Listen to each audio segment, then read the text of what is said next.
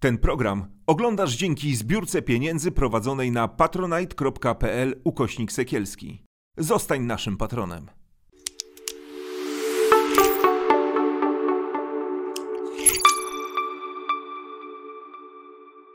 Dzień dobry, zapraszam bardzo gorąco na kolejny odcinek podcastu programu To Zależy, programu, w którym rozmawiam z różnymi gośćmi na ważne, ciekawe tematy społeczne, przy których odpowiedź na większość pytań to właśnie najczęściej to zależy.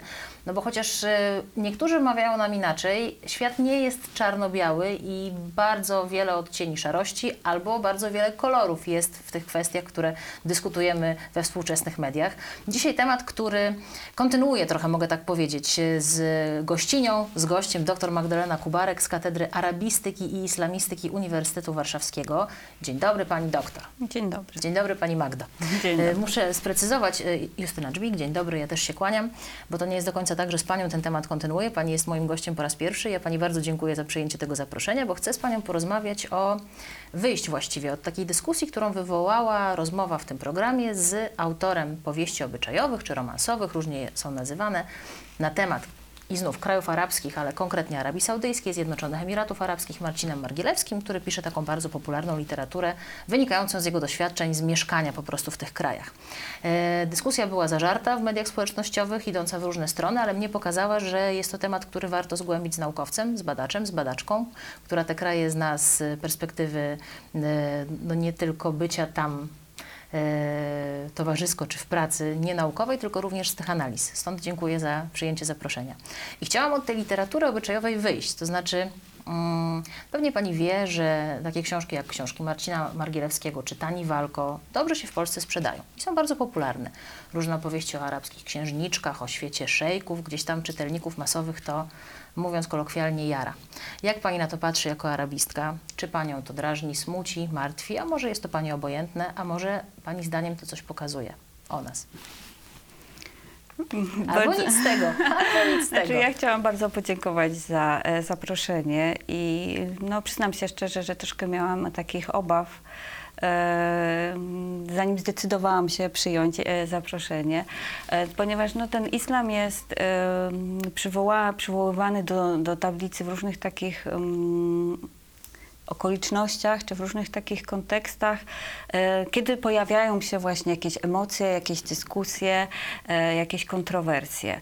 E, I tak naprawdę no, trudno jest rozmawiać na ten temat w inny sposób niż poruszając mm, nie wiem, zagadnienia związane ze stereotypami które e, budzą jakieś tam negatywne e, najczęściej emocje, strach, obawy, lęki, m, czasem e, wr- wręcz wrogość.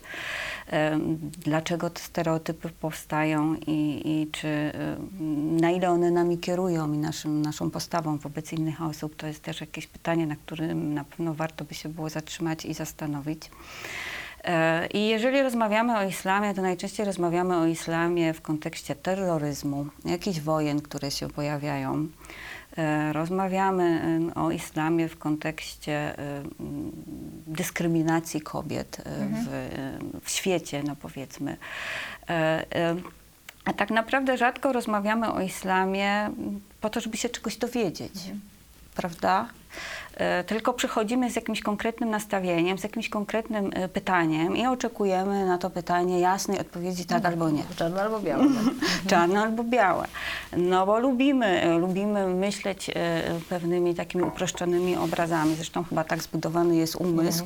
Ja tutaj, jeżeli będę mówić o stereotypach, no to od razu może chciałabym nieco się tak tutaj asekurować i powiedzieć, że po prostu nie zajmuję się naukowo e, m, zagadnieniami związanymi ze stereotypami. Wszystko, co tutaj mówię, to jest jakimś tam e, e, no, jakąś refleksją moją własną Mhm, opartą na, na, na swoich e, doświadczeniach, a nie mm, tezą naukową popartą Mhm. badaniami. E, Więc e, no, tak jak mówię, e, czy w ogóle możliwa jest rozmowa i to zwłaszcza w mediach? Bo jeżeli będziemy dalej mówić, no to chciałabym też, żebyśmy się może zastanowiły, na ile media i na ile te książki, o których Pani wspomniała, bazują na stereotypach, czy też umacniają te stereotypy w społeczeństwie polskim, czy w społeczeństwie europejskim, czy w ogóle generalnie stereotypy. Więc o tym jeszcze może też y, y, chciałabym powiedzieć. A na ile my jesteśmy gotowi do jakiegoś dialogu y, i jesteśmy w stanie wytworzyć język dialogu i przestrzeń, w którym ten dialog może się odbyć.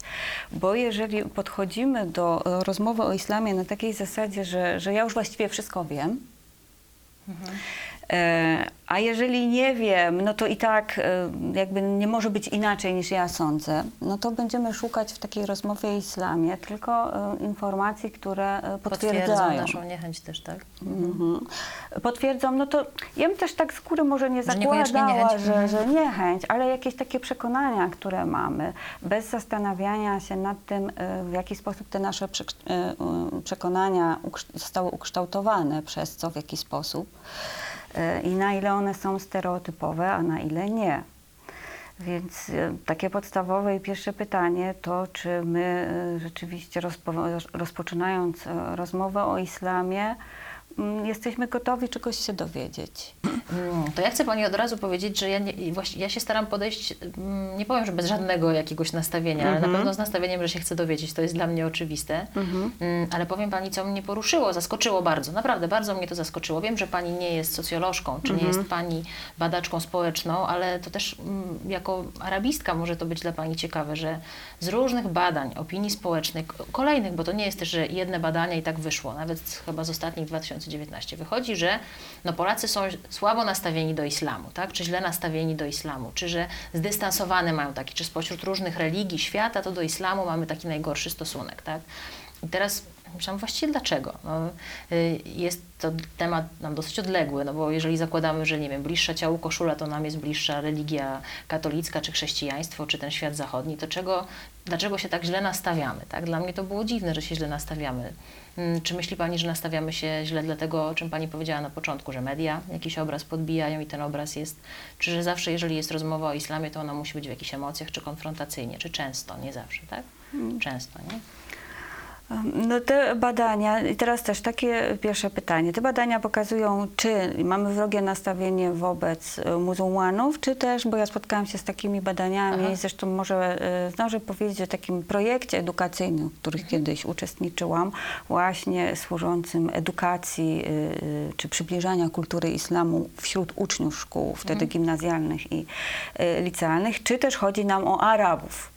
No, bo często e, jakby już e, e, zdefiniowanie tych dwóch pojęć może być nie do końca jasne, czy e, też używane zamiennie przez e, e, Polaków. No bo ja spotkałam się z takimi badaniami, które mówiły o Arabach konkretnie, a nie o I muzułmanach. co wynikało z tych badań o Arabach? No tak jak pani mówi, to były badania, które już były prowadzone no, przynajmniej z 15 lat temu i rzeczywiście e, już w tamtym czasie Arabowie były, byli tą nacją, którą e, wskazywali e, respondenci w takich badaniach, bo tam jest różna met- metodyka prowadzenia Tak, tych oczywiście. badań, prawda, więc tam jest wskazywane na przykład, wybiera się koło kogo byś nie chciał mieszkać, żeby nie był twoim sąsiadem, nie? Albo, albo tego typu pytania i rze- rzeczywiście no, Arabowie byli zawsze wysoko w tej punktacji i z tego co pamiętam Cyganie również gdzieś tam są dosyć wysoko, więc wydaje mi się, że e, o ile Cyganie są, e, Cyganie, Romowie. Romowie, o Mhm. ile Romowie, przepraszam bardzo, są e, jakby przynajmniej w niektórych rejonach Polski rzeczywiście no, występującą licznie tutaj grupą, to Arabowie wydaje się, Zupełnie że zupełnie nie, zwłaszcza w tym okresie. Teraz kiedyś za czasów socjalistycznych e, studiowali e, w Polsce i sporo było, sporo. No, zda, zdarzały się też małżeństwa mieszane. Teraz też, zresztą może w jakimś tam zakresie turystycznym e, mamy też możliwość tutaj związków mieszanych zawierania. No ale właśnie dlaczego Arabowie? Dlaczego, no tutaj ta rozmowa o, o, o, tych, o tych stereotypach. Dlaczego się e, boimy e, akurat islamu? Dlatego, że ten islam właśnie jest e, obecny w mediach w dużej mierze też jako mm, ten czynnik taki nam zagrażający. E, No nie, nie boimy się e, katolików, nie boimy się chrześcijan, no bo sami utożsamiamy się z tą grupą. No to trudno, żebyśmy się e, bali przedstawicieli swojej własnej grupy. A islam wcale nie jest nam tak odległy. Jednak stanowi takie dość realne zagrożenie w dobie różnych zamachów e, i nie będziemy się bać, e, nie wiem, religii Dalekiego Wschodu, no bo one są znowu trochę za daleko, prawda? Okej. A, a tutaj jednak dochodzi do tej, do tej interakcji, do e, jakiegoś takiego poczucia zagrożenia. No i z tym związane jest też może tak wysokie właśnie e, miejsce zajmowane wśród mieszkańców islamu.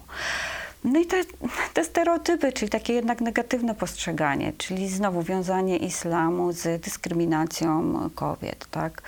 Że jednak e, te kobiety mm, są źle traktowane i jeżeli muzułmanie będą napływać w jakiś sposób masowy do To- to Europy, nam zagraża, tak? to, to nam zagraża, zagrażają nam naszej religii. Y, y, Zresztą islam jest też re- religią misyjną, więc podobnie jak chrześcijaństwo, więc tutaj no, ta walka o, o rząd dusz zawsze się gdzieś tam e, e, rozgrywała, więc e, istnieje ryzyko, że, że będzie tutaj jakiś, jakaś przestrzeń do, do konkurencji i w takim razie, jeżeli chrześcijaństwo zacznie przegrywać i Europejczycy zaczną przyjmować islam, no to być może właśnie kobiety zaczną też być traktowane w Europie w ten sposób. A propos tego rozróżnienia, o którym Pani Mm. powiedziała, ja przeglądając e, Mhm. informacje na Pani temat i czytając książki, które, czy o książkach, których Pani jest autorką, znalazłam takie rozróżnienie, że to jest o literaturze arabskiej i muzułmańskiej. Mhm. Na czym polega to rozróżnienie? Znaczy może nie w kontekście literatury, ale może Mhm. w kontekście, żebyśmy tak mówili, może e, mówiły, żebyśmy tak rozmawiały może nie tyle teoretycznie, ale pewną taką tutaj podbudowę y, praktyczną, czyli jakimiś przykładami się posiłkowały. Y, czyli y, o tych y, warsztatach, o których Mhm, ja mówiłam. Tak, tak. to były warsztaty edukacyjne prowadzone przez arabistów, e, także e, współ, e, przy współpracy e, e,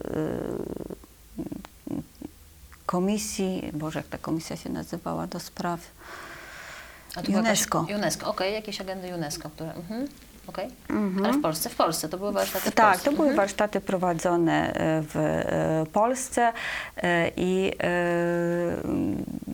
w ramach tych warsztatów właśnie opracowałyśmy też taki program autorski i rozpoczynało się ono właśnie takim zadaniem dla dzieci, aby narysowały, jak sobie wyobrażają muzułmanina. Mhm. No najczęściej to właśnie polegało na tym, że rysowały takiego e, mężczyznę w arabskim stroju, któremu towarzyszyła zakwefiona kobieta. Zakrwawiona? Zakwefiona. Zakwefiona, czyli o- zasłonięta okej. kobieta. E, e, I e, od tego jakby z tego rysunku wychodziłyśmy, powolutku obalając te, te, te Wyobrażenia. wyobrażenia stereotypowe, które się tam pojawiały. Więc e, no, czy każdy e, muzułmanin jest e, terrorystą? Tak. No, ilu w ogóle jest na świecie muzułmanów? Tak mniej więcej. W tamtym okresie to było chyba miliard dwieście, teraz chyba jest półtora, tak? Jakoś. E, więc e, skoro tylu, no to e, od, odliczając starców i dzieci, jakby każdy z nich dokonał zamachu, czy chciał dokonać zamachu, to czy nasza cywilizacja by przetrwała w takim razie? No może nie bardzo, tak?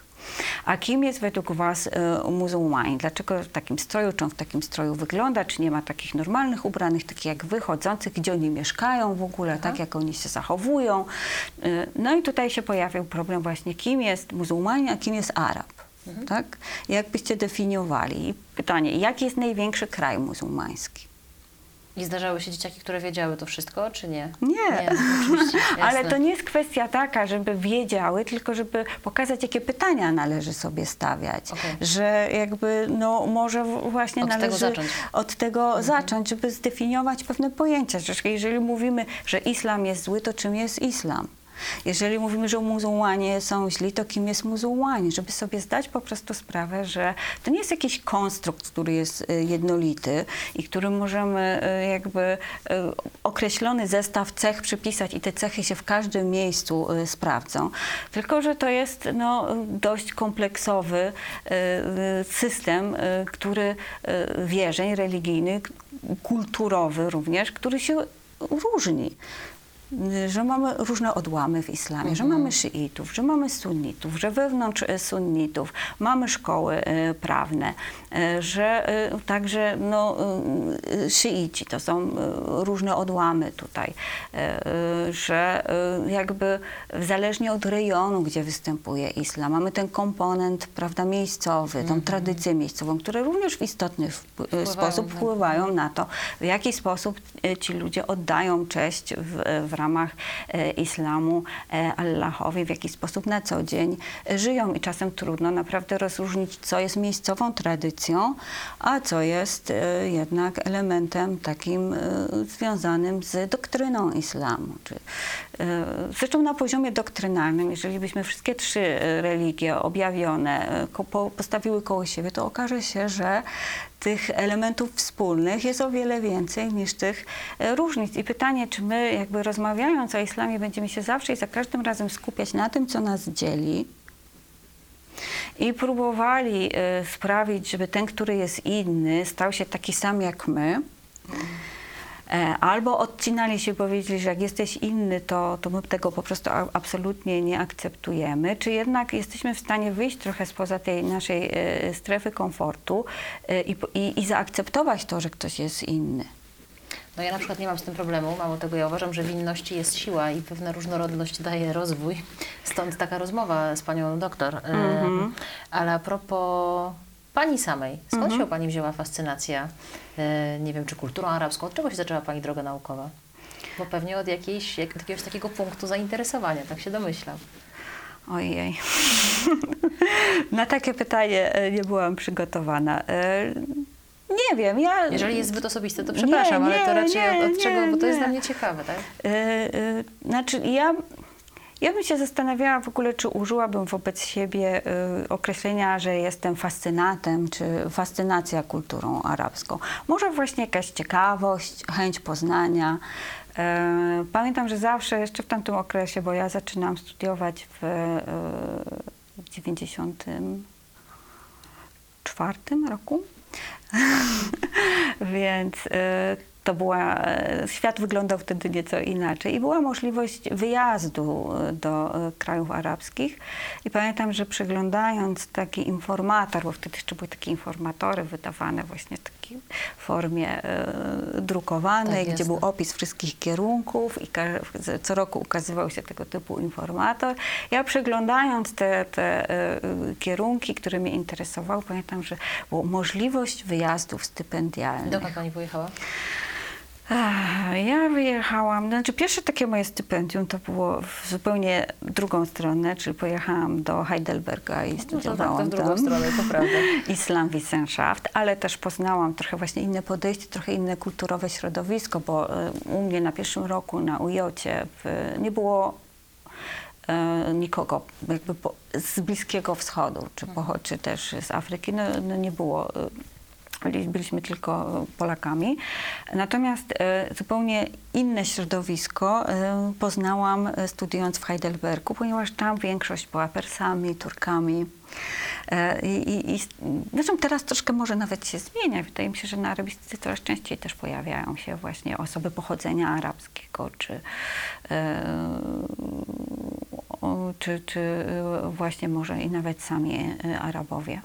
E, Więc no, troszkę też to był dla mnie taki pierwszy może kontakt, bo tak naprawdę studiowałam arabistykę, a nie miałam jakiegoś wielkiego pojęcia o kulturze arabskiej. Dlatego ja jakby będę, mam nadzieję, że nie ma wydźwięku takiego, to co ja mówię, że ja w jakiś sposób negatywnie oceniam to, że ktoś nie ma znajomości kultury arabskiej, czy nie wie czegoś o islamie, bo mm, oczywiście Nie, nie ma tak nie takiej, tak, Można tak, nie nie mieć ma, pytania, jak się tak, podchodzi do poznawania tej tak, wiedzy. Tak, nie, nie, nie, Albo niechęci do poznawania, to już zależy. A, Jeżeli- dokąd, a dokąd pani pojechała już wtedy?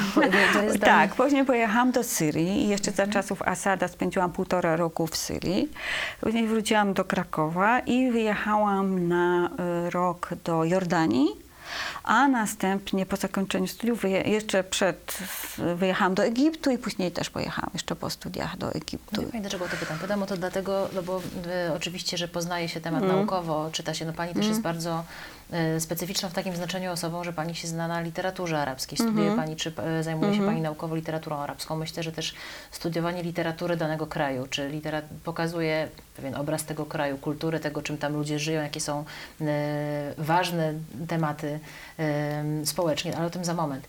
I, I zastanawiam się, z jakim Pani jechała wyobrażeniem, nastawieniem, o ile z jakimkolwiek, i co Pani tam spotkała, jak Pani poznała też tę kulturę na miejscu, tak?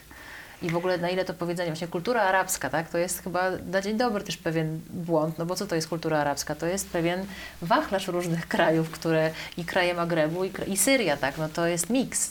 E, Jest miks, ale tutaj jakby no, uważam, że jesteśmy upoważnieni do tego, żeby jednak mówić o kulturze arabskiej, do literatu- o literaturze arabskiej. Ostatnio właśnie podczas obrony e, przewodniczący e, komisji e, pytał, czy, czy, czy jest takie pojęcie, taki termin jak kuchnia arabska, prawda? Mówiąc, że w Magrebie je się co innego niż w Libanie. E, I e, zrobił porównanie, no przecież w Niemczech się je co innego niż w, we Francji, ale w jednak no, europejskiej, i tak? jest, jest, róż, jest jest różnica między Europą, gdzie mamy jednak e, inne języki, inne tradycje, a krajami arabskimi, gdzie istnieje ta wspólnota jakaś, tak? dziedzictwa e, kultury i jednak kiedyś potomkowie tych Arabów, którzy zamieszkują teraz Afrykę Północną, skądś przybyli. Być może ta e, mm, kuchnia, kultura w Afryce jest odmienna, ale nie, nie jest całkowicie Jasne. różna. Tak? Więc sami Arabowie zresztą bronią tego, żeby e, mówić o języku arabskim na przykład, a nie o językach czy dialektach poszczególnych krajów, bo to też tworzy pewną wspólnotę e, narodu arabskiego. Oczywiście. Mimo wszystko podzielonego na, na, na, na, na różne kraje. No No właśnie, właśnie, a propos tego poznawania i tych wyjazdów. E, Ja może odpowiem nieco e, inaczej w ogóle. Nie, nie opowiadając o tym, jak byłam w Syrii, opowiadając o tym, jak byłam w Jordanii, bo myślę, że e, ja i, mo, i, i- moje koleżanki też mogłybyśmy parę książek e, napisać na ten temat. To nie, nie, nie zabieram pomysłu, żeby, żeby ktoś nie podkupił, nie, dobra. Nie, nie, nie, nie, nie, nie, chyba nie, nie, planujemy. E, natomiast e, chciałam o czymś innym powiedzieć. Właśnie o samych takich wyjazdach, ponieważ no, ja wyjeżdżałam, poznałam też, jakby przebywałam w określonej grupie studentów, młodych ludzi i moja znajomość kultury i znam też język, język, prawda, więc e, była też w jakiś sposób ograniczona. Ja bardzo dużo rzeczy też się dowiedziałam, czy nauczyłam później, już zdecydowanie po, e, po, po studiach. E, więc e, pytanie w ogóle, na ile takie e, wyjazdy są w stanie nam przybliżyć daną kulturę. I tu bym się może bardziej na tym chciała e, skupić, bo to też trochę nas odsyła do książek, o których pani rozmawiała z poprzednim gościem. I czy jesteśmy i na ile jesteśmy w stanie poznać kulturę in, inną kulturę e, poprzez taki wyjazd, bezpośredni kontakt. E, Na pewno zdarzało się Pani, że e, była Pani świadkiem jakiegoś wydarzenia i z inną osobą i później jakby Pani doświadczenie i Pani relacja z tego wydarzenia była zupełnie inna niż tej drugiej osoby. Wszystko jest, każdy jest subiektywne, każdy Ja przeżyłam bardzo takie mm, dla mnie ciekawe doświadczenie podczas konferencji w Oksfordzie, e, kiedy wraz z uczestnikami jakby spacerowaliśmy po mieście i ja szłam z takim e, młodym Katarczykiem, badaczem. Rozmawialiśmy, w pewnym momencie coś tam się zadziało na ulicy. I on zapytał policjanta, który tam stał. Policjant mu odpowiedział. Oczywiście to był Katarczyk, który e, władał angielszczyzną z perfekcyjnym brytyjskim akcentem. Wykształcony był także w, na brytyjskich uczelniach. Policjant odpowiedział, a ja tak, tak stałam, tak słuchałam, tak Powiada, później po kilku metrach dosłownie ten Katarczyk do mnie mówi, oczywiście po arabsku, mówi ty widziałaś to? Ja mówię, ale co? On mówi, ja zadawałem mu pytanie, i ja z nim rozmawiałam, a on patrzył na ciebie, bo ty jesteś białą kobietą. Ja po pierwsze w ogóle na to nie zwróciłam uwagi. I teraz tak, czy tak rzeczywiście było? Czy to znaczy, że brytyjscy policjanci dyskryminują Katarczyków? E, Czy to jest subiektywne czy, wrażenie? Czy to jest subiektywne? A Czy jeżeli jest naleciałość, z czymś człowiek subiektywne, przyjeżdża, to, tak? Swoim jakimś... to i on jest przewrażliwiony, to dlaczego? Mhm.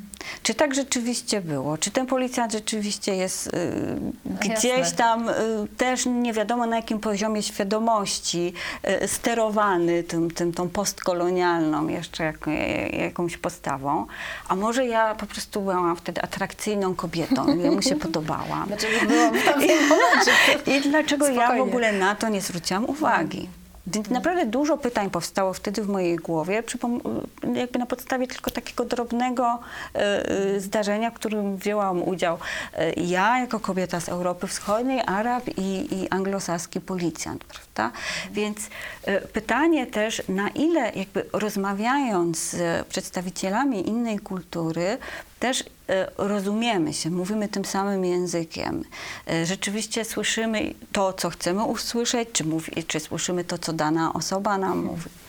I teraz chciałabym może jeszcze właśnie To swoją drogą to kwestia w ogóle rozmowy z drugim człowiekiem i gdzieś tam własnej percepcji, prawda? Dokładnie, to a jak to się jeszcze kulturowo się dokłada i na to dochodzi też język, którym rozmawiamy, bo jeżeli y, zbieramy nasze relacje na przykład na podstawie, czy nasze wyobrażenie o islamie na podstawie relacji tych osób, z którymi y, jakby przebywamy, to musimy sobie uświadomić po pierwsze, że y, funkcjonujemy tam w jakiejś określonej grupie. Nie wiem, pracowników międzykorp- jakby jakichś międzynarodowych korporacji. No i to już jest jakby mocno Kierunkuje, zawęża, tak, mocno tak. zawęża. E, Ta, ci ludzie muszą znać język angielski, my też rozmawiamy z nimi w języku angielskim, więc to też już nam trochę ustawia ten dialog. Pytanie, na ile oni znają angielski, na ile oni chcą nam powiedzieć e, to, co mówią w tym języku, na ile my jesteśmy w stanie odebrać w, przez ten angielski to, co oni do nas mówią. No i na to wszystko jeszcze ciągle nam się nakładają te stereotypy, tak? Czyli te filtry nasze, które czasem sprawiają, że my tak y, jakby z tych wybieramy tylko te informacje, które potwierdzają już nasz, naszą tezę, którą gdzieś tam mamy, nasz obraz, prawda? Ale pani wyjeżdżając miała okazję no, pobyć nie w takich warunkach, że tutaj anglosaski, tutaj Katarczyk, tylko jak to się mówi z lokalsami, tak? Czy z native'ami, czy z, żeby tak, właśnie ale ja nie tutaj być bardziej w tym mówiłam otoczeniu właśnie akademickim, tak? Czy tak, studentów z o różnych... autorze tych, To ja, tych, ja wiem, tych oczywiście książek, mówimy o, ty- ty- w kontekście, ty- ale to odchodzimy, odchodzimy Mhm. od... Ja traktuję takie historie jak rozmowę z Marcinem, to się w mediach mówi trochę jak human story. No, mamy badacza i mamy human story. Human story, czyli człowiek, który e, ma jakąś swoją historię i przepuścił przez swój filtr, przez to wszystko. To jest tak, jak pani doktor mówi. A jak to wygląda z perspektywy badaczki, która ma Mhm. Tylko, dostęp do, no właśnie do innych właśnie też treści, je- tak? Znając je- język je- chociażby Jeszcze doskonale. nawiązując do tych, tylko że jakby konwencja ta, którą przyjął, e, oprócz tego, że to jest powieść e, popularna, tak? I ona sama w sobie bazuje na stereotypach i umacnia stereotypy. I tutaj jakby no, świat musi być czarno-biały w takiej powieści i czytelnik musi otrzymać odpowiedzi, a nie ma być stawiany przed dylematami, bo nie na tym polega e, tego typu e, literatura, żeby tutaj e, zostawiać e, czytelnika z jakimiś znakami e, zapytania, żeby on się zastanawiał, on się ma podnieść do tego, mamy wywołać emocje, mamy dostarczyć rozrywki i y, odpowiedzieć na wszystkie pytania. Tylko o to chodzi, że ta konwencja, która tam została przyjęta, przynajmniej w tych próbkach, które ja tam przeczytałam, polega na tym, że pojawiają nam się takie komentarze, które są, no nie wiem, niespowiedziane od kogo, ale jakieś takie didaskalia, takie komentarze, które mają czytelnikowi Tak, wyjaśnić. tak, tak, tak. E, Prawdopodobnie od autorskie. E, I teraz ja się zastanawiam, zastanawiałam, czytając to, e, po pierwsze właśnie skąd autor czerpał informacje, które tam przekazywał na temat islamu, nie mówiąc już o tym, że on dokonywał pewnych takich uproszczeń, e, czy też niektóre informacje były no, mocno wątpliwe, e, że ten obraz był całkowicie e, fałszywy. Dlatego ja się absolutnie nie dziwię, że mm, bardzo wiele osób poczuło, wiem, pochodzenia arabskiego albo wyznania muzułmańskiego poczuło się, nie wiem, obrażonych, dotkniętych, zaatakowanych, albo co najmniej zniesmaczonych tego typu konwencją. Bo ten komentarz najczęściej pojawia się jeszcze w takim dość specyficznym kontekście, czyli, czyli wtedy, kiedy mm, bohater tej powieści czy tej fabuły popełnia jakiś nieetyczny czy niemoralny czyn, to wtedy wchodzi ten komentarz, który jakby religijnie, czasem trochę kulturowo, czasem jest tam jeszcze jakaś domieszka y, y, psychologii, tłumaczy to zachowanie. I to już jest, ja bym to nazwała lekkim nadużyciem. I, I myślę, że to nawet nie sama ta powieść gdzieś tam i, i ta cała historia właśnie mogła wzbudzić takie emocje. y, I tylko może sama, sama ta, ta, konwencja. konwencja, która się, tam, która się tam pojawiła. Czyli o tym, że gdzieś tam pojawiła się taka y, ta postawa takiej osoby, która, no ja nie mam takiej, ja sobie takiej legitymacji bym nie dała. E, e, żeby objaśnić w kilku czy, oceniania czy objaśniania, ob, tak? objaśniania z, no jest tam na pewno taki element um, waloryzujący, czyli taki, takie um, aksjologiczne, że, że no wartościujemy, że mówimy, że ocenianie. i sam ten kontekst e, wskazuje i często e, jednak e, no, mamy takie przekonanie, rozmawiając o islamie, czy wchodząc w jakieś interakcje z muzułmanami, że y, no, jesteśmy przedstawicielami jednak kultury, która stoi na nieco wyższym poziomie. I teraz pytanie, na Ma Pani ile... takie przeświadczenie, że jest na- coś takiego na- gdzieś, e, w, nie wiem, że mamy coś takiego, nie my, mówiąc my, mam na myśli, nie wiem, kulturę zachodu, czy ludzi z zachodu, że mamy, bo ja mam taką prośbę, Tak. pozwolę sobie tutaj wejść na chwilę w zdanie, ponieważ założeniem mojego programu jest, y, ten program nie jest konfrontacyjny. Tak. Moim celem dzisiaj też nie jest linczowanie, bądź też nie Marcina Margielewskiego, czy Mhm. podobnych książek. Y, Ja chcę to jest dla mnie punkt wyjścia do rozmowy dalej. Mhm. I ja chcę z panią doktor porozmawiać nie o tym, co jest tam złe, tylko o tym, co by pani chciała, żeby nie tam było, tylko żebyśmy zamknęły ten temat. Skupiły się na pani, na pani pracy naukowej, na pani obserwacjach. Em, I na tym, jak, e, no właśnie, ja się spotkałam z takim pojęciem jak orientalizm. No I z właśnie. takim nawet zarzutem jak Mhm, orientalizm. I dla mnie to też było zaskakujące, dlatego że, nie wiem, w szkole się uczyłam o tym, że orientalizm to jest pewna fascynacja Mhm, orientem, tak? Szeroko rozumianym wschodem, tak? Mhm. E, I nagle się okazuje, że to jest coś złego. Co jest złego? Czym jest orientalizm i co jest w tym złego? I kiedy go można złapać? Kiedy się, siebie samego można złapać na orientalizmie? Znaczy, jeszcze, ja nie, nie wydaje mi się, że ja w jakiś sposób y, y, krytyczny przedstawiłam te, te powieści. I znowu to, jak pani... Znaczy, jak je- nie ma tu Marcina. To, Nie- to jest nie taka ma- nie- rozmowa, powinniśmy, jeżeli mielibyśmy iść w tę stronę rozmowy, to powinniśmy tutaj siedzieć we trójkę i rozmawiać. A ja chciałabym tego uniknąć, bo nie ma y, tej osoby, która mogłaby być adresatem tych uwag. Nie, dla, To- mhm. dlatego, no ale tutaj orientalizm też rozumiem, że gdzieś- został gdzieś przywołany Tak. y, y, w tym, W tym kontekście. w tym bo to jest, kontekście rozumiem, właśnie. orientalizm. To, o czym Pani mówi, to jest trochę... No właśnie, to Tak, to takie podejście z takiego punktu, nie wiem, można to nazywać e, e, e, europocentryzmem, tak? Y, I wydaje mi się, że naprawdę trudno y, przyznać się, czy jakby przeprowadzić sobie taką samą analizę, na ile ja w moim podejściu, cokolwiek bym nie mówiła, na jakim poziomie świadomości jednak mam trochę takie podejście. I myślę, że to y, właśnie o tym, i o tym mówiłam, kiedy mówiłam o tym dialogu, czy o takiej przestrzeni, ro, stworzenia takiej przestrzeni, w której będziemy mogli się spotkać. Prawda? I, i, i, czy chcemy się spotkać, i czy chcemy tą naszą, y, y, naszą y, postawę w jakikolwiek sposób zmienić. E, No, kiedyś o-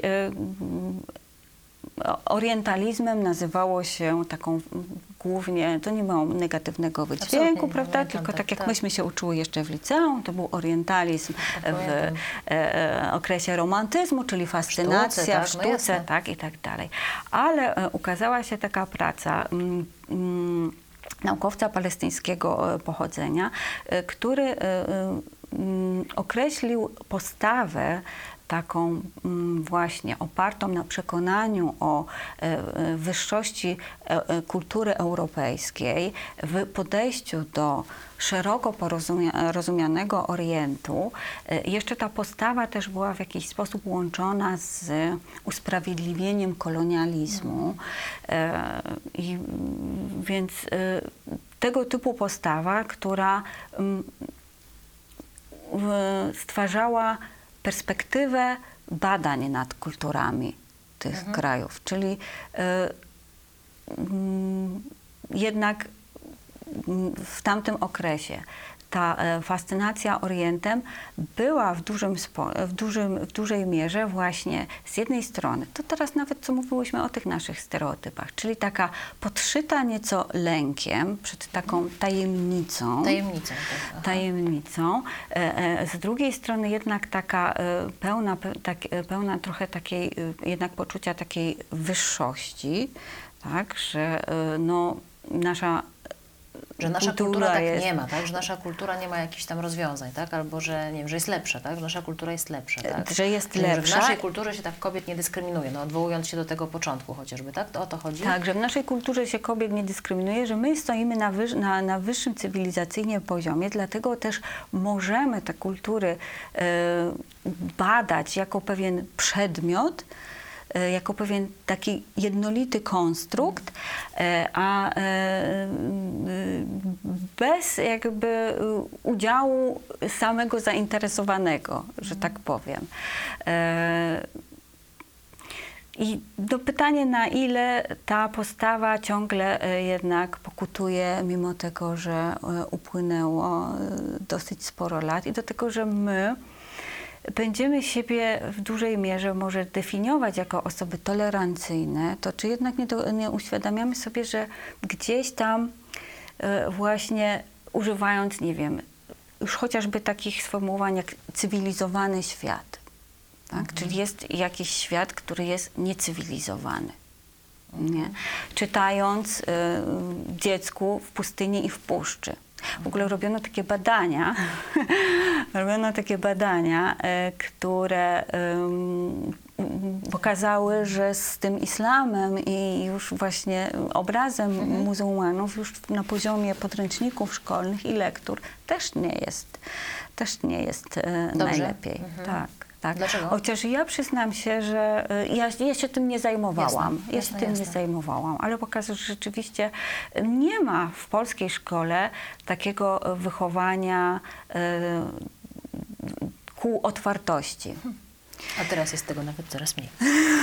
Myślę, że... E, Nie ma takich przedmiotów, na których poznaje się inne e, e, religie, inne przedmioty, e, inne, in, inne kultury. Kiedyś właśnie e, była taka e, propozycja, żeby dzieci zwiedzały różne miejsca kultu w ramach właśnie takich wycieczek szkolnych. żeby bardziej tak, tak, tak, żeby sobie, żeby sobie to e, e, uświadomić. Zresztą ja jestem na przykład ciekawa, ile osób, nie ale myślę, że jednak sporo osób sobie zdawała sprawę, że e, e, mieszkają w Polsce muzułmanie, że mamy tą tatarską mniejszość, jak pani... Myślę, że nie, zna, nie zdają Nie, myślę, że sprawy, tak. Myślę, że sobie zdają myślę, że sprawę. sobie, myślę, że sobie zdają, tylko że traktują ich trochę jako takich naszych, nie? To są E, inni muzułmanie. To są inni, to, To są, są to są nasi muzułmanie, oni Tak, nie są- chociaż, ja też nie chcę chociaż nie jestem, takim- chociaż nie jestem tak, e, z chociaż nie jestem tak do końca Mhm. e, przekonana, czy, czy, czy, rzeczywi, czy rzeczywiście tak jest. Więc nawet, no, ale znów kiedy się mówi o tych Tatarach, kiedy się mówi o jakimś uboju i tłumaczy się, że te zwierzęta są męczone, no to wtedy się wywołuje ten temat. A nie wiem, nie ma w mediach, teraz o mediach powiem, żeby nie było, że No, to chciałam tylko nieobecnych e, krytykuję. E, Ja na szczęście nie jestem całymi mediami, to jest też dosyć... Mogę występować jako rzeczniczka, ale to jestem ciekawa, jako No bardzo tak, jestem, ja bym też nie mhm. chciała tutaj występować absolutnie jako adwokat, ani rzeczniczka muzułmanów, też nie daję sobie absolutnie takiej e, legitymacji, ale no, czy mówi się na przykład w mediach o takich wspólnych inicjatywach e, muzułmańsko-katolickich, o tym, No że istnieje Rada Wspólna Muzułmanów i. Katolików, o tym, że e, w- obchodzi się Dzień Islamu, o tym, że istnieje Rada Papieska do spraw dialogu międzyreligijnego. I ja nie wiem, bo ja nie śledziłam na przykład, jak była w ogóle relacjonowana, na ile czasu antenowego zostało poświęcone wizycie e, Franciszka, e, papieża Franciszka w e, Iraku. Y, To była jedynka w wielu, to też, y, to ja tutaj odpowiem na to Mm. pytanie, to zależy pewnie w jakich mediach. Wiem, że w wielu to była Mm. informacja na jedynce, no ale znów to też pytanie, czego byśmy oczekiwali, Mm. jakie miałyby być te proporcje i czy bierzemy media e, ogólnopolskie, lokalne, radio, telewizję, internet. To znów schodząc z tego poziomu, ja rozumiem o czym pani mówi. I Mhm. Ja mam stereotypowe podążam- wyobrażenie może na temat mediów nie ma ja je wszystkie Wrzucam. Absolutnie nie ma, tak jak nie Ale ma czegoś takiego jak, się takim e, nie wiem, islam jednoznaczny, tak nie ma. Oczywiście, ale bardzo dobrze, bo też po to ja akurat robię te rozmowy i po to ja robię ten program, żeby trochę rozbijać takie rzeczy, bo kiedy nie mamy czasu, kiedy chcemy szybko, kiedy to używamy takich skrótów, no bo to są skróty, media, islam, no to, a potem się nagle okazuje, że rozbierasz te cebule jak, jak w szeregu i się okazuje, że tych warstw jest bardzo wiele. Więc wracając do, do naszej rozmowy, do bazy, do tego, czym Pani się zajmuje, czy ma Pani takie wrażenie, że przez literaturę, którą Pani się zajmuje, można poznać? I teraz znów, bo powiedziała Pani, że to nie jest takie niezasadne mówienie kultura arabska, tak? No bo jednak trzon jest podobny, gdzieś tam to pochodzenie jest podobne, więc też mm, no, różnicujmy, ale bez przesady. E, Co literatura, w której Pani się orientuje, którą Pani zna? Jaki świat arabski Pani pokazuje i może pokazać? Czy, czy ja mam e, widzieć e, tę pełną czy tą pustą połowę szklanki? Do wyboru. Możemy obie. Możemy... Możemy To, obie. to, znaczy, to nie jest pytanie z tezą. Muszę rozczarować, że nie ma tutaj zupełnie żadnej tezy E, założonej. Więc, nie, nie. Znaczy ja mogę A jaka, jest, narzekać. jaka, jaka może być pusta? Nie, to... E, Nie, to znaczy tak, na pewno, na pewno tak. Bez dwóch zdań. Literatura, y, autorstwa, y, pisarzy, pisarek ze świata arabskiego jest jak najbardziej, jak naj, jakby jest pierwszym chyba takim źródłem wiedzy na temat tamtej kultury i tamtego świata. E, Natomiast ta druga pusta połowa, to mamy bardzo ograniczony jednak dostęp. My, Polacy, do tej literatury w języku Jeśli nie znamy polskim. języka, jest, nie, znamy arabskiego, to rozumiem, że w języku polskim... Nie, jeżeli okej. nawet nie znamy angielskiego, Okej. bo tutaj, y, nie wiem, jest y, chociażby y, taka inicjatywa już chyba od 2008 roku. Y, przyznawana jest nagroda, ona jest zwana arabskim bookerem. Mhm. I ona się International Prize for Arabic Fiction. E, Zresztą Zatoka ją sponsoruje. Może ta Zatoka nie jest taka jednoznacznie też zła, to zależy, prawda? E, I e, co roku e, no, e, powieść, która e, otrzymuje tę nagrodę, jest tłumaczona w ramach nagrody na język angielski. Oprócz tego jeszcze autor jakąś taką dużą gratyfikację finansową otrzymuje. Więc sobie policzmy od 2008, ile to już mamy tych powieści, prawda? E, a ile zostało przetłumaczonych na język polski? Mm, Ile? Jedna, ale się nie ukazała. Okej. E, jakby, no, to jest, to nawet nie, nie, nawet nie jest Morze Bałtyk, to jest Rów Mariański. Jeżeli weźmiemy pod uwagę, co ukazuje się na angielskim rynku wydawniczym, jeżeli chodzi o literaturę i literaturę arabską, a z czym my mamy do czynienia No i to jest odpowiedź na pytanie, dlaczego się boimy i dlaczego tak nie wiemy. No bo skoro nie, nie mamy dostępu, czy Mm. musielibyśmy sami chcieć mieć ten, e, chcieć się zainteresować, tego dostępu nie ma, to się wszystko tak trochę koło się gdzieś zamyka. Mm. I ja trochę. też rozmawiałam z wydawcami. No i pewne książki, no dlaczego się pewne książki też sprzedają? Dlatego, że towarzyszy im jakaś y, dosyć y, intensywna kampania, która ma to, która też trudno jest znaleźć tak naprawdę. I to nie jest grzech Polski, ale trudno jest znaleźć okładkę, która mówi o tamtym świecie, gdzie nie mamy tej pani z, tym, z, tym, z tą zasłoną, to prawda? właśnie to chyba Ja się zastanawiam, czy no też może by pani tutaj kogoś tego typu zaprosiła, czy to jest jakiś taki, nie wiem, oni mają jakiś taki katalog tych zdjęć i to jest tak, o, tematyka arabska, Janek, dawaj z katalogu numer 18. Czego jeszcze tam nie dawaliśmy? No, której pani wysłoniętej, tak? No to jest po prostu absurdalne, jeżeli weźmiemy jakiekolwiek tytuły w języku arabskim tych powieści, gdzie mamy jakąś fajną grafikę, taką artystyczną, że coś tam się dzieje na tej okładce, Mhm. dającą do myślenia.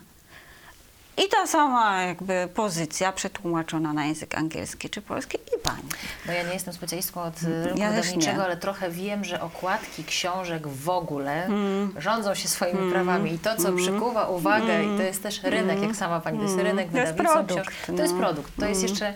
Ale gdybym, i znów, znów zapyta, wróciła do... Mhm. Gdybym panią poprosiła, czy zapytała, czy no poprosiła o to, żeby... Wyobraźmy sobie sytuację idealną, że mamy dostęp do tej literatury, Mhm. tak? I ktoś do pani przychodzi i mówi, od czego mam zacząć taką współczesną moją przygodę? Chcę zobaczyć świat arabski taki, jaki pani zna, jaki Mhm. opowiada pani swoim studentom. To co biorę, co czytam? Cokolwiek, pierwszą z brzegu weź, tylko przeczytaj. Dobrze, nie? Nie, nie, bo to nie ma, nie ma sensu, żebym ja nie wiem, no, to po, e, poleciła. No, Ale pierwsze pani pytanie, o mamy noblistę o, arabskiego. O, o bukerach, mówi pani o tych bukerach Tak, arabskich, tak? tak, Że bo to, to jest taka kierunek. najnowsza, e, Mhm. to jest taka najnowsza literatura, tak, i najnowsza powieść, no i ona gdzieś tam zyskała uznanie samych Arabów, no to, bo to Arabowie sobie przyznają, prawda? Mhm, I to jest tłumaczone. E, mamy, e, znowu, e, i 2019 otrzymała pierwsza arabska pisarka Dżuha al-Harisi z Omanu e, ten Men Bookera za, za to tłumaczenie. Tokarczuk dostała 2018 i wtedy z nią przegrała. Obeszłam kilka wydawnictw. Nikt nie chciał tego wydać. A to, no, to jest naprawdę światowej, yy, ś- światowego formatu literatura. I, I jeżeli byśmy to przeczytali, to może dałoby nam to właśnie do myślenia, może dopełniłoby nam trochę ten, ten, ten obraz. Bo to, no, to musi być... Tak, e, obcowanie z literaturą na czym polega? Na tym, że no, to nas ubogaca przez No to, jasne. przez to, że skłania nas do jakiejś refleksji. Refleksji. Mhm. Często wiąże się to właśnie z wyjściem poza jakąś y, y, sferę y, komfortu. Ale zostawmy tą literaturę. Kino. Kino też jest świetne. Teraz przepraszam, ja nie pamiętam tytułu, ale mogę mówić nazwy kin? Czy, Można, czy to jest kryptoreklama? Nie, można mówić wszystko. W Kino Murano. które- I nic się nie stało, nie spadło na nas jakieś po Tak. prostu. Sufit się nie zawalił spokojnie. Tak, e, Teraz tam po- możemy trzeba spotkać nazwy filmy. bo są w trudnej tak, sytuacji, Przed, więc- przed zamknięciem, przed Mhm. zamknięciem e, był wyświetlany film, ja przepraszam, ja po prostu nie pamiętam tytułu, ale e, mówił o mm, Tunezyjce, która wróciła do swojej ojczyzny, wykształconej we Francji, żeby założyć tam gabinet psychoanalizy. Mhm, okej. Mhm. Fasta- Fantastyczny film, historia. prawda? E, no właśnie, tylko my rozmawiamy o jakimś idealnym świecie, a ten świat nie jest, e, nie jest idealny, więc no...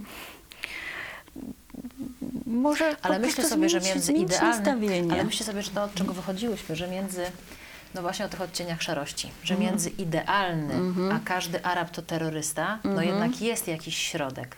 I to jest chyba to, o czym mówimy tutaj, że dlaczego my idziemy w taką, od razu w taką stronę taką drastyczną, dlaczego idziemy od razu w taką stronę negującą, taką stronę z tą niechęcią. Od tego zaczynałyśmy tę rozmowę. Mhm. No bo oczywiście nie wszyscy muszą czytać literaturę arabską, ale dlaczego nie potrafimy e, no jakoś bardziej zrozumieć, jakoś się bardziej utożsamić, e, dlaczego ta nasza wiedza jest aż tak, e, no znów mówię nasza, to też pytanie kogo, tak jedni mają głębszą wiedzę, inni mają płytszą, ale mówiąc, y, my cały czas gdzieś tam nas widzę, nas widzę jako tutaj społeczność zachodu, tak? I zastanawiam się, jak to działa w drugą stronę. Też o to chciałam Panią zapytać, na ile w krajach No arabskich, właśnie, na ile w dobre krajach pytanie. arabskich, na Mhm. przykład, y, mówiąc szeroko, co się mówi o Zachodzie, jak się mówi o Zachodzie, jak się No, pisze o a jak- Zachodzie, a czy jak- byłaby taka a jak literatura? myśli?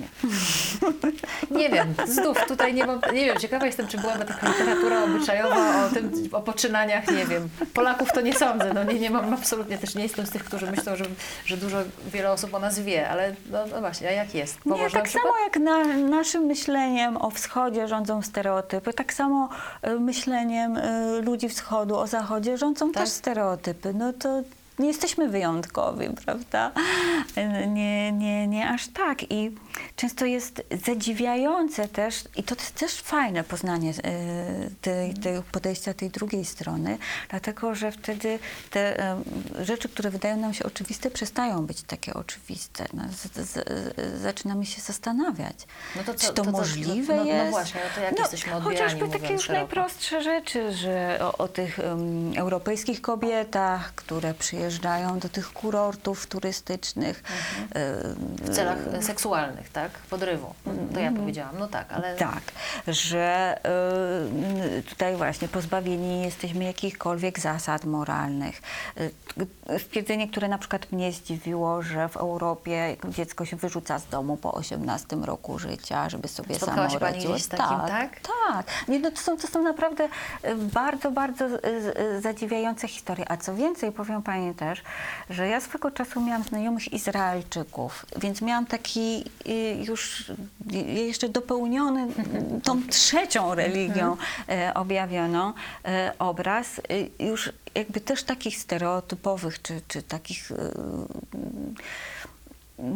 podszytych y, lękiem y, postaw y, ze wszystkich stron, czyli to, co Arabowie myślą o,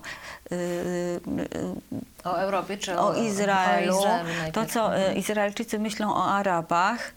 I ja często słuchałam jednej strony, a później szłam i słuchałam drugiej strony. Mówię, kurczę, no ci mają trochę racji, ci nie mają. Tutaj, no ci też jakby trochę mają racji i, i ci nie mają. I to jest konflikt, którego nie da się, nie da się absolutnie rozwiązać. Więc oczywiście w dużej mierze jeszcze y, problem Izraela łączy się też z No Zachodem. tak, to jest już, to jest po prostu, jak to kiedyś powiedziała jedna o- z pań polityk, puszka z Pandorą, której może nie, nie, nie otwierajmy. Ale wracając do tego, o czym Pani mówiła, czyli do tego właśnie pojmowania, Mhm. czyli taka, ta przestrzeń, o której Pani mówi, tak, żeby się przydała, żeby spojrzeć rzeczywiście na kogoś nie swoimi oczami, tylko Mhm. jego, to też w tę drugą stronę jest to, pewien, jest, jest to pewne Mhm. wyzwanie, tak, że tak jak my uważamy, że nie wiem, ym, że Arabowie są zamknięci, czy że są kategoryczni, czy że mają takie zasady, to oni mówią, że my nie mamy zasad, tak? To gdzieś w, w taką stronę to trochę idzie. Mhm, mhm, mhm. Zdecydowanie, zdecydowanie idzie w tę stronę, że no jakby te uproszczone podejście, myślenie o, o, o- innej kulturze zawsze będzie, zawsze będzie występowało. Y, No, te relacje chrześcijaństwa i islamu były trudne. No znowu wiem, jest taka fantastyczna książka Morze Wiary. Nie wiem, czy y, pani się spotkała. To jest historyczna książka, ale ona właśnie opowiada właśnie w tych kwestiach e, m, wojen prowadzonych, prawda, w obszarze Morza Śródziemnego, nie? E, że no, musimy być obciążeni troszkę tym też e, dziedzictwem historycznym. No trudno, żebyśmy tak się rodzili jak taka e, biała karta i, i, i, I wszystko od nowa. i, i, i wszystko od nowa. Nie, nie mówię nawet my jako jednostki, tylko każde kolejne, e, kolejne pokolenie, tylko Mhm. jesteśmy wdrukowany, drukowanymi. Już jakby abstrahując w ogóle od e, islamu, to ja z takiego swojego doświadczenia, kiedy moje dziecko no, ono wyrastało w takim dosyć, powiedzmy, nieco y, zróżnicowanym środowisku, więc y, kole, koledzy, koleżanki mamusi byli z różnych krajów, uczyli różnych języków, prawda? I y, kiedy poszła do szkoły, zresztą moja siostra mieszka też y, w Niemczech, ma, ma męża Niemca, moja koleżanka na przykład właśnie uczyła, y, uczy rosyjskiego czy ukraińskiego i wszystko było dobrze, dopóki ona nie poszła do szkoły. I nagle się, a Niemcy są źli, a Rosjanie nas najechali. Czyli ze szkoły gdzieś tam z tą, z tą przyszła do domu, tak? Z, takim, z lekcji, z takim nastawieniem, tak? Tak, więc tam ja uczy mówię, się o że, że, historii. je- tak, że Mhm. jednak ta rola tej, tej edukacji bez wątpienia jest, jest bardzo ważna. No i wracamy znowu do te, tego punktu wyjścia, czyli y, jeżeli y, stereotyp y, jakby żywi się tym brakiem y, wiedzy, prawda?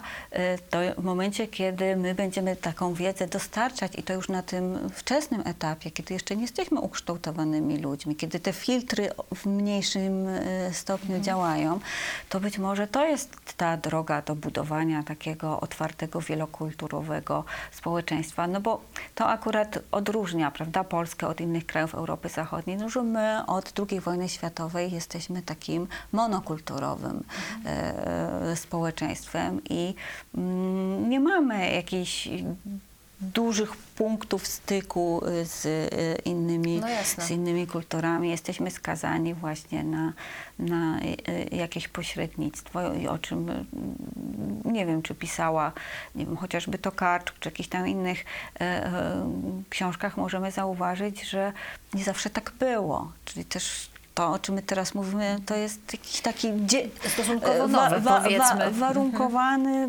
też no, daną chwilą y, y, obraz y, i jakimiś tam warunkami ekonomicznymi czy politycznymi, zarówno przez jedną, jak i przez drugą stronę. I no, y, te wpływy islamu i Turcji, kultury tureckiej przecież były bardzo duże w pewnym okresie. My sobie nawet też z tego Nie czasem może nie zdajemy sprawy.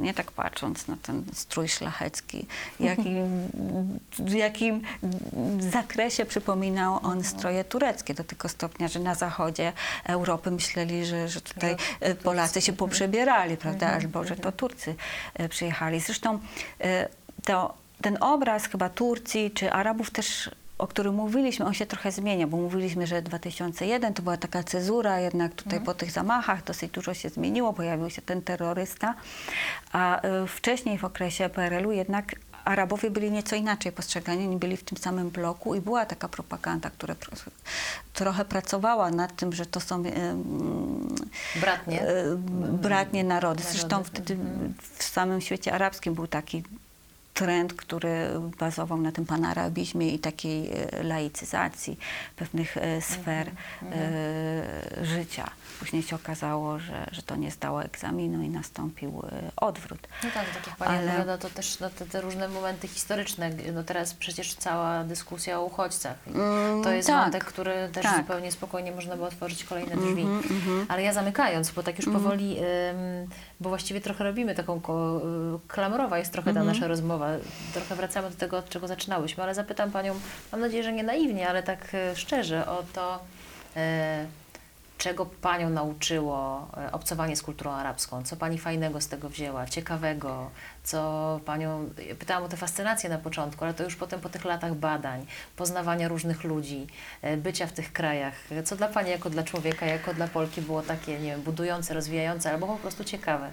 No, to jest takie, Inne, ale- takie ale powiedzenie fajne. arabskie, że, ale to też w innych kulturach to jest dosyć uniwersalne, tak? że każdy język y, y, sprawia, że y, jesteśmy jakby zdublowanym człowiekiem, tak? czyli wzbogaca nas y, dwukrotnie. I nie wiem, może to jest moje zdanie, ale trudno mówić o znajomości jakiejś kultury jednak bez znajomości y, Języka. języka. No ten kod jest ważny i jeżeli no, nawet czytamy coś o świecie arabskim i chcemy się czegoś dowiedzieć, a sięgamy po publikacje, których autorami są, nie wiem, anglosascy e, autorzy, politolodzy, no to one już w pewien sposób Mają na- e, na- tak, prezentują, tak? Mhm. prezentują odmienne, e, odmienne podejście. Mm, Więc no, język jednak jest chyba takim kluczem do, do, do, poznawania, e, do poznawania innych e, kultur e, i no, ja, tak jak, nie wiem, nawet moja rodzina mówi, no to są ludzie, którym tak można zaufać, bo oni mnie znają od, od takiego. No? Czyli oni jakby zauważają, że jednak kontakt z kulturą arabską, z językiem arabskim wpłynął w ogóle na, na cały mój sposób myślenia, zachowania się, postępowania, życia. Mm. I ja uważam, że y, nie byłabym tak otwartym człowiekiem i moje życie nie byłoby mm, na tyle bogate, gdyby nie to. Gdyby nie studia arabistyczne, gdyby nie kontakt z tymi ludźmi. Czyli jakby, jakbym została postawiona, jakbym znowu miała 19 lat i mogłabym wybrać, to mm, nie jestem pewna, czy bym wybrała rzeczywiście jeszcze język arabski. Może nowe wcielenie, no, no, może bym wybrała chiński, ale japoński, ale uważam, że to był bardzo, bardzo, bardzo, bardzo dobry pomysł. E, No, ja wiem, że nie każdy może uczyć się języka arabskiego, dlatego strasznie się też cieszę, y, że mam kontakt ze studentami. Uważam, że to są właśnie fantastyczni młodzi ludzie. Y, I jak ich słucham, i jak z nimi rozmawiam, to taka nadzieja wstępuje e, w moje serce.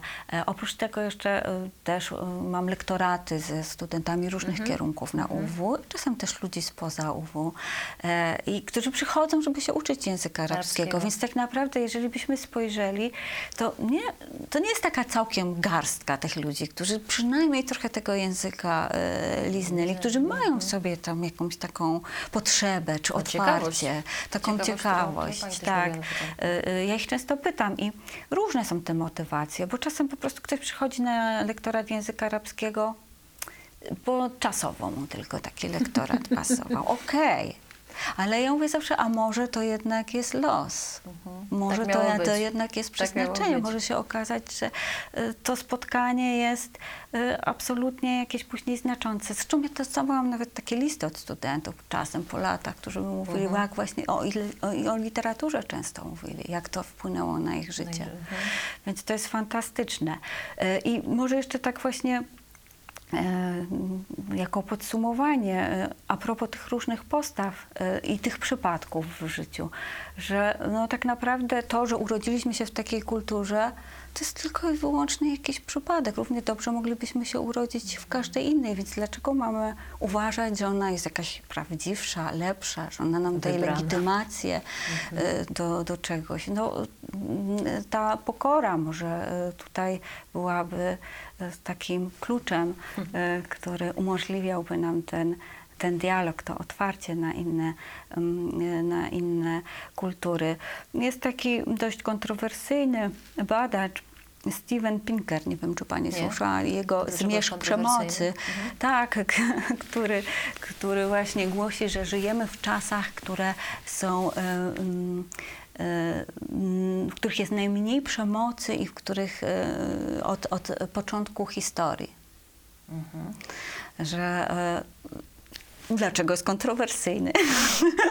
Właśnie głosząc tego typu, tego typu tezy. I on to udowadnia. To jest e, pozycja, która została przetłumaczona na, na język polski i właśnie e, uzasadniając, podając klucze, dlaczego ta nasza kultura jednak e, się zmienia, mimo tych wszystkich rzezi, które się zdarzają, to jednak ta wrażliwość ludzkości jako ludzkości wydaje się jednak wzrastać. Wyższa, mhm. E, Że to, co kiedyś, nie wiem, że tam e, obcinano uszy, e, Coś, co kiedyś to kie- teraz co kiedyś było, co było kiedyś rozumiem. normą, to w tym momencie zaczyna być jednak przejawem e, m, drastycznej agresji, z którą znowu z drugiej strony nie wiadomo, jak, jak e, sobie radzić. I właśnie on wspominał o tej, o tej pokorze, że, że być może właśnie ta, ta y, mm, pokojowa koegzystencja e, niesie za sobą pewne profity. Kiedy my zaczynamy sobie, to jest ten klik i zaczynamy sobie zdawać sprawę, że na tym korzystamy, to e, y, jakby odchodzimy od takiego przemocowego rozwiązywania problemów.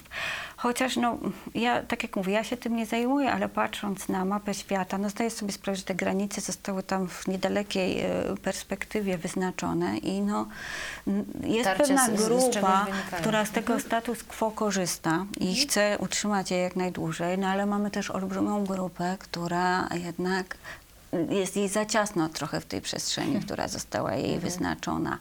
I teraz no właśnie pytanie, czy no bo to się zmieni. No, myślę, że nie ma się co łudzić, że ten układ sił y, i strefy wpływów kiedyś się zmienią, tylko pytanie jakimi Środkami, metodami. Środkami, jakimi To ja bym metodami? została przy języku, bo to bardzo pa- Pani pięknie powiedziała, że to jednak no, poznawanie kultury jest pewniejsze na pewno przy tym języku. Dziękuję za rozmowę po arabsku. شكرا شكرا على المكالمة على المحادثة Yy, przez szacunek dla języka nie powtórzę, ale Pani pięknie dziękuję. No i dzięki za próbę budowania tych dialogów. Myślę, że Ja jeszcze raz dziękuję za spotkanie. Y, Mam nadzieję, że tutaj y, utrzymałyśmy się w tonie niepolemicznym, Niekonfrontacyjnym. niekonfrontacyjnym. No i mam nadzieję, że to tak będzie jakimś wstępem do dalszych spotkań, dalszych rozmów, otwarciem na jakieś nowe perspektywy, nowe tematy, nie kropką nad i, ale właśnie Znów, bo powiedzą, że mówimy o koleżankach z mediów. Doktor Magdalena Kubarek, Katedra Arabistyki i Islamistyki, Uniwersytet Warszawski. Dzięki Pani doktor. Dobrego, Dziękuję bardzo spokojnego dnia. Dziękuję. Ten program oglądałeś dzięki zbiórce pieniędzy prowadzonej na patronite.pl ukośnik sekielski. Zostań naszym patronem.